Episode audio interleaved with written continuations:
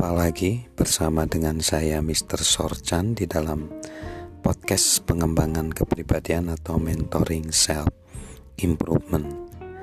Ketika kita membangun harapan bersama dan kita harus mempresentasikan harapan kita kepada sesama kita, maka kita akan melihat bahwa ada beberapa hal yang perlu diperhatikan untuk pencapaian harapan bersama itu, yaitu bahwa yang perlu diingat bahwa ini bukan tentang saya atau orang itu, tetapi tentang gambaran besar. Orang dewasa mampu melihat dan menghormati perbedaan perspektif.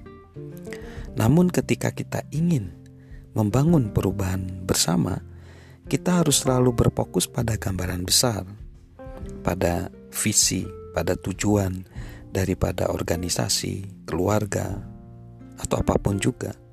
Nah, setiap orang harus punya peran untuk pencapaian daripada gambaran besar tersebut atau visi tersebut. Karena untuk mewujudkan gambaran yang lebih besar, tidak satu pun individu, baik anggota tim maupun pemimpin tim, boleh memalingkan pandangan dari tujuan dan asik dengan dirinya sendiri nggak boleh. Jadi pernyataan ini akan berpengaruh ketika kita memulai dengan bagian yang menyatakan bahwa itu bukan tentang saya. Mungkin aja misalnya kalau kita pemilik perusahaan, tetapi kita harus ingat bahwa itu bukan tentang ego kita. Ego kita tidak harus membuat setiap keputusan ide kita tidak harus selalu diterima dalam setiap pertemuan. Organisasi yang harus meraih kesuksesan. Dan jika orang lain tahu itu bukan tentang ego kita, mereka harus mau menerima bahwa itu juga bukan tentang ego mereka. Nah, ini bisa menyulitkan bagi sebagian orang, terutama jika mereka itu orang yang berbakat dan berpotensi.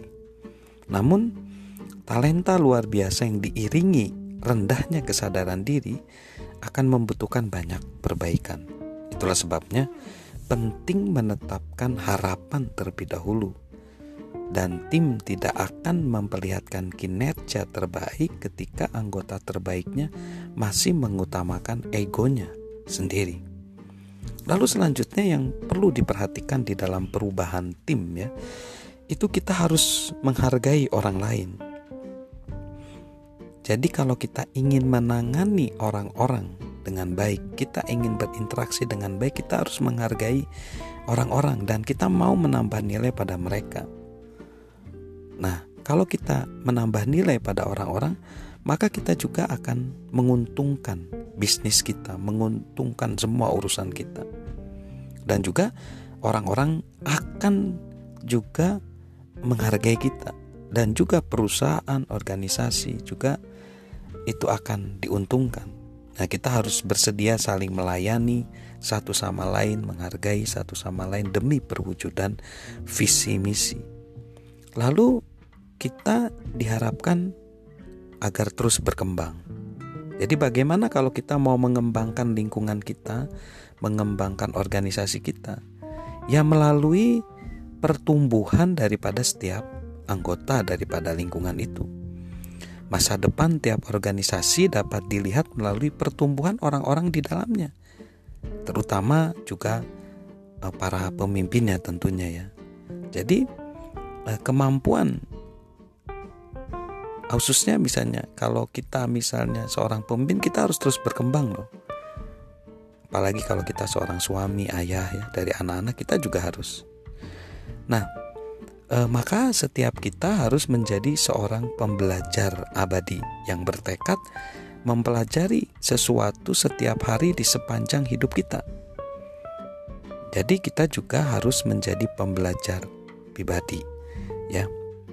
Kalau kita mengharapkan orang lain bergabung ke dalam perubahan kita, kita harus terlebih dahulu bertumbuh.